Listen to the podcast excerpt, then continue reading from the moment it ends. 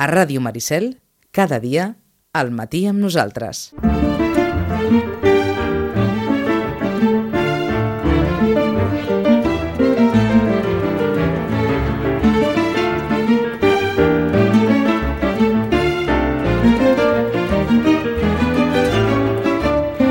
Onze i 17 minuts, fa 15 dies parlàvem molt de Manuel de Pedrolo i fa 15 dies em vaig deixar Maria Aurelia Capmany que és un altre dels noms d'aquest 2018 que en el fons acabem d'encetar i que comença ja d'alguna manera a deixar anar algunes d'aquelles novetats que s'han d'estirar fins a fins a Sant Jordi. Des del punt de vista local ja n'hem conegut algunes i des d'un punt de vista, òbviament, de, de l'àmbit català, hem de suposar que el degoteig ara serà constant fins a arribar al mes d'abril. En un any en què Setmana Santa ve tant d'hora que no hi haurà cap problema en què Sant Jordi s'escaigui mm, diguem-ne, proper a les festes, amb això no tindrem eh, cap problema ni un. Rosana Lluc, bon dia, bona hora. Hola, molt bon dia. Aquest any no tindrem cap problema en la conjunció Pasqua, Sant Jordi, Setmana Santa, No. Sant Jordi, res d'això, eh? No, no, i a més a més, que un, un dia laboral, eh, llavors, doncs, com que acaba un dia feiner, doncs encara més bé. Mm -hmm. Per tots plegats més bé. Malgrat que és un dilluns, eh, però vaja, jo crec que estarà bé començar la setmana així. Eh, és clar, ara Sí. anava a fer aquella pregunta eh, tonta. És clar, feia temps que no queien dilluns. Més clar, feia, feia com, com a set anys que no, Sí, que no sí, queien que no dilluns. queien dilluns. No, jo crec que, bé, que serà un, un Sant Jordi d'allò de, que se celebra de debò, eh? Mhm. Espero, eh? Vull dir que també, és, la veritat és que, clar, ara estan sortint totes les novetats, ningú encara no gosa, però sí que ja gosen, perquè ja tenim a tothom mm, preparant bateries, saps? Vull dir que els eh, llibres infantils, sobretot, són els que comencen més d'hora i, i ja estan, saps, amb les novetats ja preparades, etc perquè, esclar, vull dir, van amb un altre ritme, eh? Però la bateria de novetats d'aquí fins a Sant Jordi és impressionant. Um, um, per exemple, alguna d'aquestes dels darrers dies que diguis això ja serà un llibre per Sant Jordi. Encara no. Encara no? Jo encara no, no, no. Encara, Encara no en, veus, no en veus cap d'aquells que dius, mira, seria, no. No, jo encara, encara no n'he vist cap d'aquests així, no. Són lectures que aniran fent, però tampoc allò que diguis, uh, aquest serà el Sant Jordi. Pensa que d'aquí pocs dies, d'aquí pocs dies surt el Premi Josep Pla, Mm. Antoni Bassas. Aquest serà un Sant Jordi. Ah, aquest serà un Sant Jordi. Eh? Uh, la setmana següent surt el Premi Sant Jordi, que ja és un autor més literari, que és el Joan Lluís Lluís, que ja té una sèrie de seguidors i, per tant, hi ha una sèrie de lectors que, que, li, que li reconeixen la seva vàlua i, per tant, serà una altra cosa, no? Però mm -hmm. jo crec que aquest any n'hi haurà. I, i, i, I després, seguidament, ja sortirà el Premi Nadal, que també que és el, el Palomes. Sí. I llavors, clar, eh, també es traduirà al català, o sigui, en aquest cas sortirà alhora que el Premi Nadal eh, és en castellà, està escrit en castellà, però recordem que com que ell també té l'obra en català, doncs eh, sortirà en totes dues llengües. O sigui, surt, que, serà, em, eh? surt, abans, surt abans el Josep Pla que, que el Nadal i hem de suposar que és per la traducció a les dues llengües. Sí, diria, saps que porten dies, eh? O sigui, Ah. allò, eh, el que surt abans és segur que el, que el Premi Sant Jordi, una, unes setmanes porten, eh, surt abans el pla, però... Mm, de fet, saps allò que dius, ai, saps? bueno, sortiran tots alhora, ja saps que el febrer és aquell mes que dius, vols, uh, vinga, tots alhora. Eh? Està clar. I, Però de- de- surten en ple, en, ple, en ple carnaval, eh? De, de, eh, per, això, per això et anava a dir. De, de moment, per la, per la part que, que ens toca, recordin que qui vulgui acostar-se als 14 anys, als 14 anys dels matins d'Antoni Bassas, té aquesta oportunitat de fer-ho amb el llibre Bon dia Catalunya, són les 8. Fa quatre dies Jordi Basté deia que creu que no hi ha hagut mai una millor sintonia de magazín del matí que la que feia servir Antoni Bassas en el seu dia en Catalunya Ràdio, o, o sigui que, diguem-ne que serà un llibre molt probablement rebut amb expectació, entre altres coses perquè han passat prous anys com perquè Antoni Bassas pugui fer un exercici de, ell mateix ho deia, d'abstracció en algunes coses i de reflexió en, en moltes altres. Això Jo- la setmana que ve. Sí, això el dia, el dia 7 surt i a més a més t'haig de dir que a més a més eh, allò que ja hi ha expectació de debò perquè que vinguin a demanar el Premi Sant Jordi és, és normal, escolta molt el Premi Sant Jordi, però el Premi Josep Pla, així com a premi, mm, No, no és tan casual eh, que Ahà. et vinguin a demanar-ho i ara eh, ja tinc una sèrie de clients que per favor que m'avisaràs o sigui, Que això vol dir que ha creat molta crearà molta expectació aquest, aquest. Jo crec que serà un dels llibres de Sant Jordi, sens dubtes aquest, Vicenç. Mm -hmm. Amb, Ja tota, veurem, ja amb, tota, amb tota probabilitat ens ho veiem a venir, eh? Exacte, sí, eh, que ho veies a venir, Sí, pues això, eh? sí. Vull dir que es veia a venir que seria així, eh? Perquè, bueno, primer per qui és i llavors pel, pel, pel tipus de, pel programa que feia i bé, doncs jo crec que té tants seguidors ell Mhm. que, que farà que sigui un de, dels llibres eh, que, que surti crítica o no crítica del llibre, serà un dels llibres de Sant Jordi. Eh? Eh, recordin, però, com ens comentava fa uns moments la, la Rosana, l'altre llibre és Un amor, la novel·la d'Alejandro Palomas, Premi Nadal, que sortirà també immediatament després del Premi Josep Pla de- d'Antoni Bassas i seran ja dos d'aquests llibres encarats cap al, cap al Sant Jordi d'aquest 2018. Perquè els darrers dies què ha sortit o què està a punt de sortir també? Doncs mira, ha sortit un... Com que has començat tu parlant de que havíem acabat el darrer programa parlant del Pedrolo, Sí. doncs ha sortit una nova col·lecció de pagès, de novel·la policiaca, eh? uh, que és l'Omarraco, però ells ja tenien la col·lecció l'Omarraco i ara fan l'Omarraco negre. Eh? Llavors el número 1, el número 1 havia de ser el Manuel de Pedrolo, es vessa una sang fàcil. Uh -huh. És, eh, clar, eh, s'han atrevit amb aquesta novel·la perquè feia temps que no es trobava i ara veig que no només, saps allò, no només edició 62 té la, té la per dir-ho d'alguna manera, no?, tot, tots els drets, sinó que veig que van sortint en altres, en Tigre de paper n'ha sortit un altre, o sigui que van sortint en diferents editorials tota l'obra de Pedrolo, que jo crec que aquest any la, la tindrem tota. I avui tu has dit un, un, una autora, la Sí. Maria Aurelia Campmany, una altra gran oblidada, perquè ara veurem si també tenim totes les seves obres. Oblida, oblidadíssima. Oblidadíssima. I, mi, I mirin que Maria Aurelia Campmany era una de les habituals col·laborador, col·laboradores en el seu dia de Ràdio 4. Era una de les veus, vaja, eh, quan a les ràdios hi havia també col·laboradors que dius, caram, quin, quins... Doncs sí, sí, hi havia col·laboradors d'aquells de bandera. Maria Aurelia Campany havia fet molt també per la difusió de la cultura a través dels mitjans de comunicació. Eh, Dona de caràcter, així la definia tothom, però també cert que ha quedat pràcticament en l'oblit més absolut. L'oblit, l'oblit, com, completament. No, no es pot... Veure, Eh, eh, és a dir, si et demanen alguna cosa de Maria Aurelia Campmany, la feina seria trobar-la? Sí, Sí. la feina seria trobar-la, sí. Sí, sí. Sobretot perquè segurament ens trobaríem doncs, que està tot exaurit, que no, no ho he fet encara, eh? La Ahà. veritat és que no ho he fet encara, però, vaja, m'hi jugaria bastant, eh? Perquè no... Saps? Vull dir que tu, tu trobes inconcebible de que no es trobessin les obres del Pedrol, totes. Vull dir, sí que ens trobaven doncs, les més típiques, però no es trobaven totes, i tu dius, és inconcebible, no?, perquè ha sigut una figura que s'hauria d'haver tro- trobat. Però res, res. Eh? Vull dir que...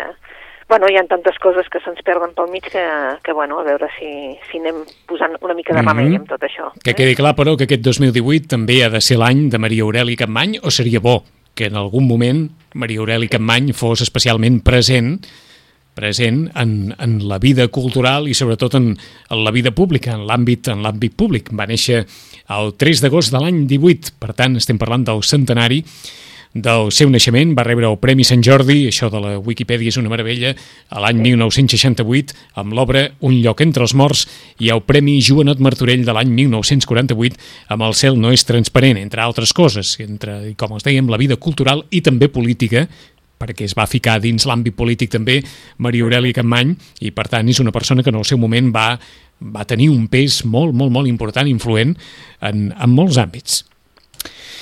Bueno, és Vinga. Això, vull dir que...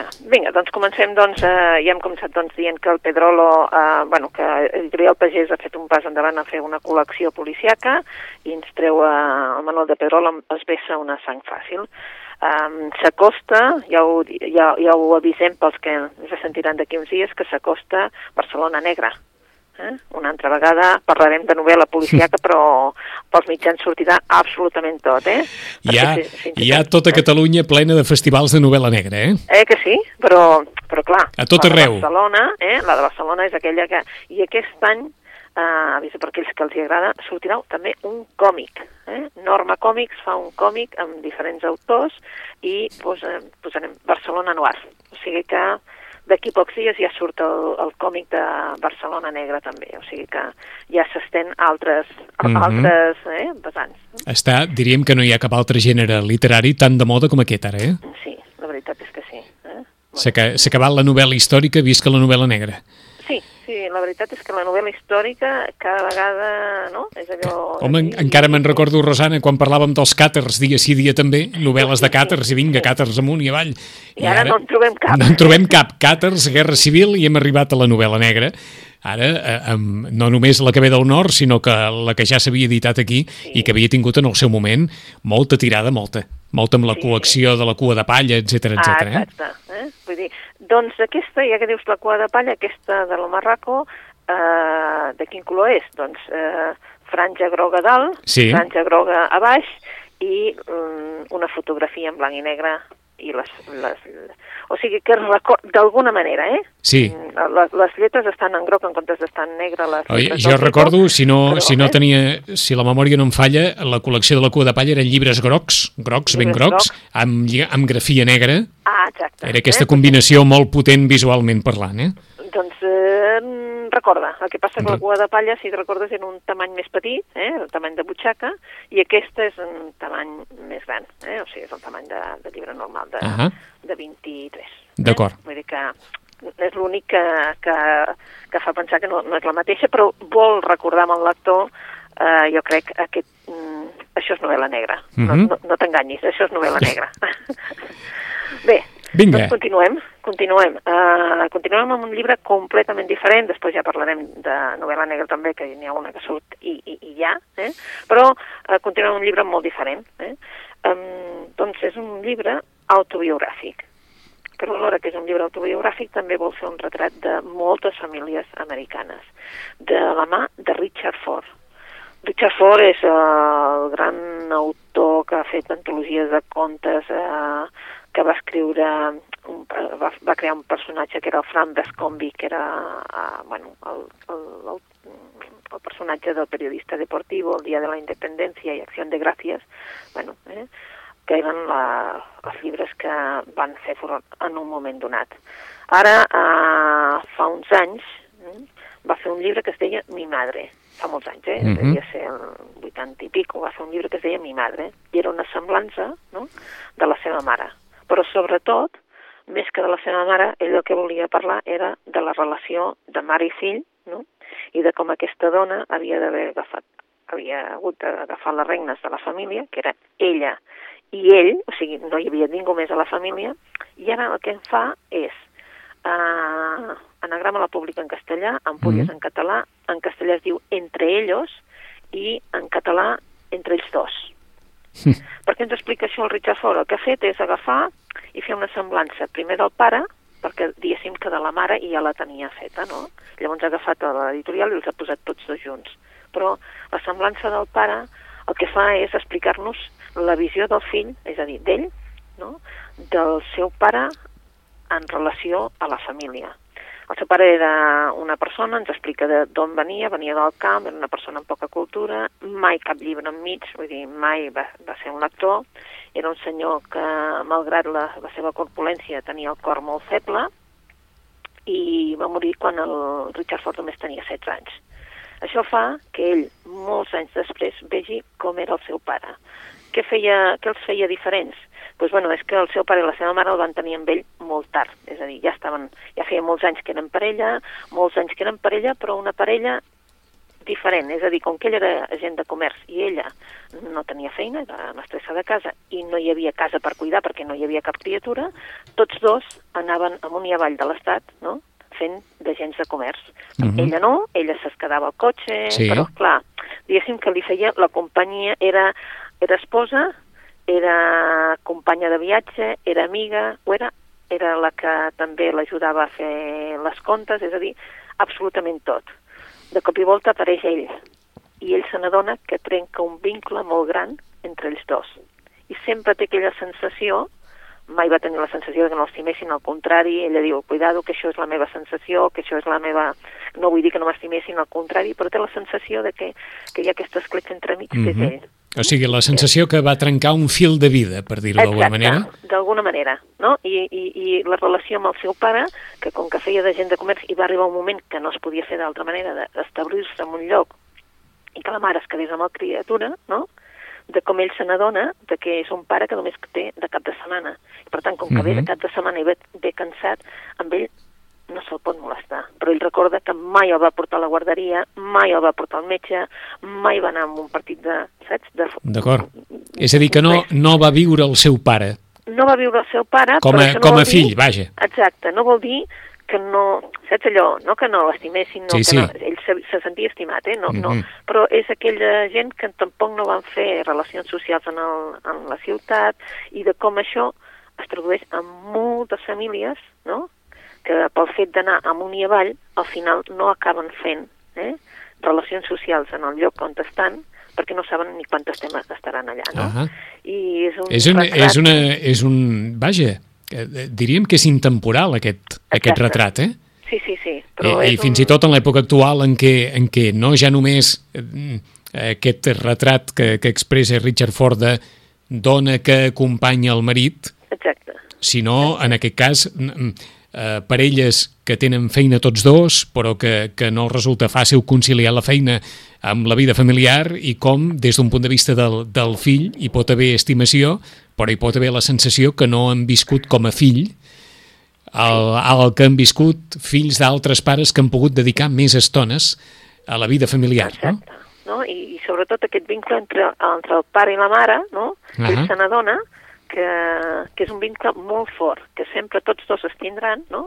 el tenen amb ell, eh? però que és com un vincle molt fort entre ells dos, no? I bé, està magistralment escrit, la veritat, i és això, la seva autobiografia, perquè és el pare i després el de la mare, que la mare ja el tenia fet, que Sí. el, va fer, el va fer quan, quan va morir la mare, És a dir, i ara com- doncs ens posa tots dos. El que ens comentava Rosana és que s'han publicat els dos, és Els a dir, junts, eh, en, eh? entre ells dos és la unió del llibre que ja hi havia escrit sobre la mare, més Més el, del, el, Més el del pare. El retrat que ha fet del pare. Del I, pare. clar, ell diu, ojo, que jo el faig molts anys després i per tant la meva memòria, o sigui que ell és conscient de que és la seva memòria, la, la memòria guarda Ahà. el que vol, eh, vull dir, això t'ho està constantment dient, eh? Saps allò que la, la memòria fa allò, la selecció Sí, aquella sí. que vol fer, etc etc. Però és un llibre, és una joieta de molt poques pàgines, eh? En té 160, 165, no en té més, eh? En, ens I- vindria una, una pregunta ràpida, per si havies llegit la mare, després de llegir eh, eh, el dedicat a, al pare, ve una certa interpretació de per què va començar amb la mare? Bueno, va començar amb la mare perquè, de fet, ell, eh, clar, amb qui viu, des dels 16 anys fins a fer-se gran, fer-se gran, fer-se gran, és amb la mare. Ah, Vull dir, després, evidentment, té relacions, però és aquest pare, però és que, a més a més, clar, el pare, penseu que havia estat absent de, de tota la setmana, només venia el cap de setmana. d'acord. I eh, el venir el cap de setmana, sí, era una mitja festa allò que vingués, però a més a més era aquell pare que no se l'havia de molestar perquè estava descansant Mhm. del cap de, de, de tota la setmana. Per tant, era, saps allò, la relació, clar, la relació forta la tenia amb sa mare. Si s'havia desvetllat, se desvetllava amb sa mare, perquè el diumenge no se li deia res al meu pare, eh, de tot el que havia passat, perquè, és clar, no se l'havia de molestar.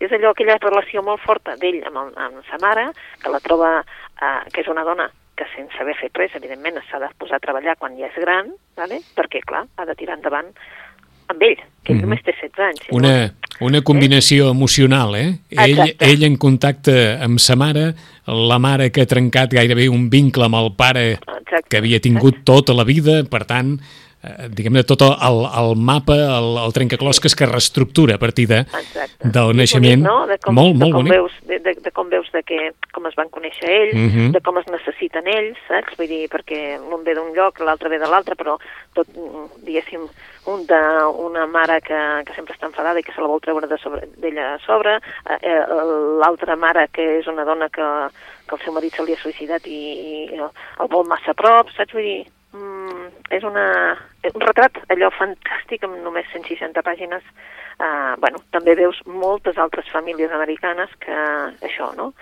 La desfeta de vincles amb la societat, o sigui, Mhm. no, no, no es fan amb la, amb la gent, Sí, sí. ni pertanyen a cap, uh, saps allò, ni cap congregació, ni res de res. I llavors, és, és Bé, com, com, com tantes persones, famílies o parelles que poden dir treballem tot el dia i no fem vida social. Exacte, exacte. I quan fan, la fan ells dos. Exacte. No fan vida social. O Exacte. sigui, L'oci són ells, eh? Com, no molt, ells mateixos. com eh? molts dirien bé aquelles parelles que només veus l'home o la dona per separat. Exacte. Exacte. I, I no els veus mai, diguem-ne, habitualment junts, sinó que sempre els veus separats, un per una banda i un per una altra. De Richard Ford, els pot interessar molt aquesta història eh, molt personal, molt autobiogràfica, entre ells dos, que recupera el llibre dedicat a la seva mare i afegeix els records, la vocació al seu pare i, òbviament, la relació que va tenir entre ells dos i aquesta sensació d'haver trencat un, un fil de, de convivència, de connexió emocional entre el pare i la mare des que ell va néixer. Per on seguim? Bueno, doncs, a veure, ara sí que agafem una novel·la que surt avui, que es diu, és de la Louise Penny, ja, ja ens han escrit unes altres, anem cap al Quebec, eh?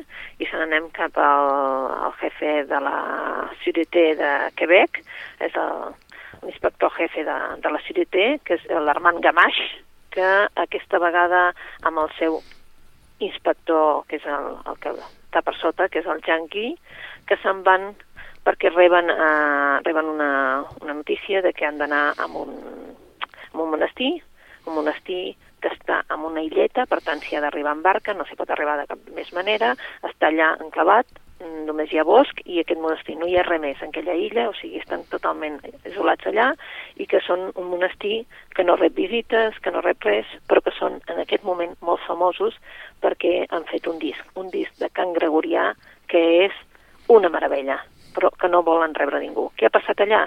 Doncs ha aparegut un monjo mort. Clar, de la comunitat mm, allà no hi entra absolutament ningú, no tenen a ningú entrant, o sigui, tots ho fan ells, són autosuficients, això vol dir que ha sigut un d'ells. Mm, a partir d'aquí tenim a ells dos dintre d'una comunitat que es fa molt difícil veure qui carai ha sigut, un tema de que el troben amb el monjo mort era el, el prior d'aquest d'aquest monestir i tenia un paper a la mà, un paper a la mà que era, doncs, semblaven unes neumes que són els primers signes per, per fer la, el cant gregorià, no? A partir d'aquí començarem a entendre el que és el cant gregorià i, a més a més, una història en la que t'immerses absolutament, estàs allà veient eh, quina és la vida d'aquests monjos, per què és tan important això i què ha passat i d'on te venen aquesta ordre de monjos perquè són els, eh, els, són els de Sant Gilbert, que era una ordre que va marxar d'aquí a Europa, se'n va anar cap allà fugint de la Inquisició. Uh mhm. -huh. Perquè, com que estaven única i exclusivament dedicats al cant, al cant a Déu, això era vist com a massa, massa, massa perfecte i la Inquisició també els hi anava al darrere. Per tant, marxen, marxen i se'n van, eh, és com si haguessin marxat i haguessin desaparegut de la fase de la Terra, però no, estaven, una de les hores estava a Quebec i estava aquí. A partir d'aquí tens una novel·la de misteri fins al final, perquè en aquest cas eh, torna a estar implicat el jefe, jefe, jefe, el, el Frank Kerr, que apareixerà eh, d'un mes per eh, enterbolir tota la relació entre l'Armand Gamache i el seu subinspector. És una novel·la superinteressant, estàs allà embalassat i fins que no l'acabes, no. I ara veus de què és un bello misteri, es diu la novel·la, i, és, i aquest bello misteri té molt a veure amb el cant. Mm -hmm. Autor conegut? Sí, és la Louise Penny. Sí, però em refereixo si veritablement allò té una trajectòria en l'àmbit de la novel·la negra ja molt popular sí, o molt sí, reconeguda, sí. sí. Aquí només en tenim... Aquesta és la quarta. Ah uh, aquesta és la quarta. Vam començar amb una revelació brutal, però en realitat eh, saps allò buscant, buscant, perquè sempre busquem els que ens agraden, a veure si tenim més possibilitats de que en vinguin. Aquí va, va començar per uh, una revelació brutal, eh, el Juego de la Luz, Enterrat a los Muertos i ara Un bello misterio. Aquests són els que no ens les han traduït al català, és de Salamandra, uh -huh. i mhm. la veritat és que sabem que n'hi ha unes quantes més per traduir i això ens fa molta il·lusió. Ara, Tot. això sí, sempre estan a Quebec, eh? sempre hi ha el tema Quebec pel mig, el fet, eh, la natura, absolutament tot el que és Quebec surt a la novel·la. Uh, T'ho preguntava per si qui vulgui seguir el fil de l'autora, de Louise sí. Penny, que el segueixi perquè trobarà llibres, diguem-ne, en aquest registre molt... Sí. Uh mhm. -huh. Sí, molt, molt, molt, molt uh, saps, uh, en el que tu veus que la natura també és una part de... Vol que sàpigues que estan en un país en el que la natura forma part de la seva vida. Uh mhm. -huh. Tenen, uh, és a dir, i les inclemències del temps també, és a dir, que allà neva i quan neva és horrorós el fred que hi fa, també. Eh? Uh -huh. I mhm. això també surt a les novel·les i són també una part d'això. Vinga, tenim temps per una novel·la més, Rosana. Doncs no sé si dir-ne un altre de, de, de, de policia, que però molt diferent, o, o, o ens en anem amb la Blanca Busquets, que és la, una de les autores que també ha sortit ara, que ha sortit aquesta setmana. Vinga, anem amb, anem la, Blanca amb la Blanca Busquets. Busquets. La Blanca Busquets eh, va començar eh, fa uns anys, en el 2003, amb la presó de neu, i després va començar a publicar doncs, el Jersey, el tren a Puigcerdà, eh, la nevada del Cucut, la casa del silenci, el Jardí Olovaga, que va ser potser l última i la que també. I es parla sempre de relacions, relacions familiars, mm, eh, relacions eh, entre germanes, en, sempre les relacions de, de persones i el que els mou realment. I ara aquí eh, ens presenta La fugitiva, que ens narra la història de la Mireia. Eh? Una dona gran, una dona que viu sola en un pis de Barcelona, i cada dia és, evidentment, pues, eh, menys amigable, no? una mica més esquerpa. Eh? I en qui s'entén de debò és amb la seva neta. Eh? Mm, de fet, el que fa és eh, explicar-nos una mica, entre fil i fil, el que fa és explicar-nos una mica doncs, la, la, la seva vida, que és el que ella, evidentment, com que té molt de temps, doncs, recorda doncs, els fets de la seva vida. Eh? I tot el que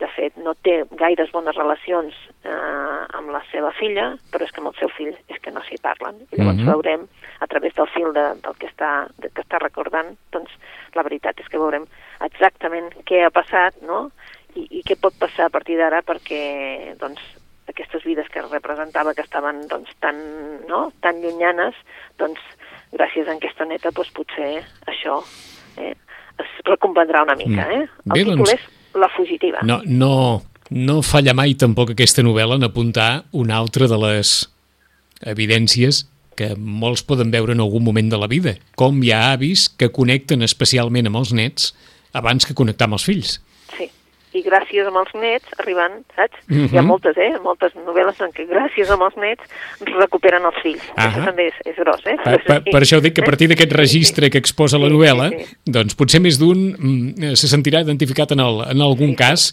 en què veritablement el, els nets, malgrat la distància dels anys i de l'experiència de tantes coses, connectin amb aquests, amb aquests avis que no sé si en algun moment eh, mm, necessiten algú que els, que els sacsegi una mica emocionalment i els nets són capaços de, de fer-ho des d'aquesta innocència de, de l'edat o de, de, des d'aquesta força de la joventut en algun moment. La fugitiva, novel·la de Blanca Busquets, avui que sobre la taula la Rosana ens ha posat no només novel·la negra, sinó novel·la de relacions humanes. Aquesta n'és una, l'altra, entre ells dos, de Richard Ford, una altra novel·la d'aquella sensacional que la Rosana en recomana eh, la lectura. I després hi hem afegit eh, aquesta història en què un comissari eh, del Quebec està ficat dins un cas especialíssim de l'assassinat d'un monjo d'una comunitat que viu en una, en una illa a la qual en principi no hi pot accedir ningú, un bello misterio. Aquesta és la novel·la de Louise Penny, escriptora que ja té quatre novel·les editades aquí, i recordar també que hi ha diguem-ne, en el món de, de la novel·la negra, un munt de novetats i entre elles un Pedrolo, ja que estem a l'any Pedrolo, es vessa una sang fàcil, es pot trobar a la col·lecció de l'Home Raco Negre, per tant, és de suposar que anirem, que anirem traient Pedrolo així a poc a poc al llarg d'aquest 2018. Eh, I en el rerefons, 7 de febrer, surt a la venda el llibre d'Antoni Bassas, el llibre Bon dia Catalunya són les 8 i pocs dies després el Premi Nadal d'aquest any, o sigui que primer surt el Josep Pla i després sortirà el Nadal. En 15 dies hi tornem, que estarem a punt de començar el Carnaval, però encara tindrem temps per recomanar algun altre llibre. Rosana, bona lectura. Molt bona lectura.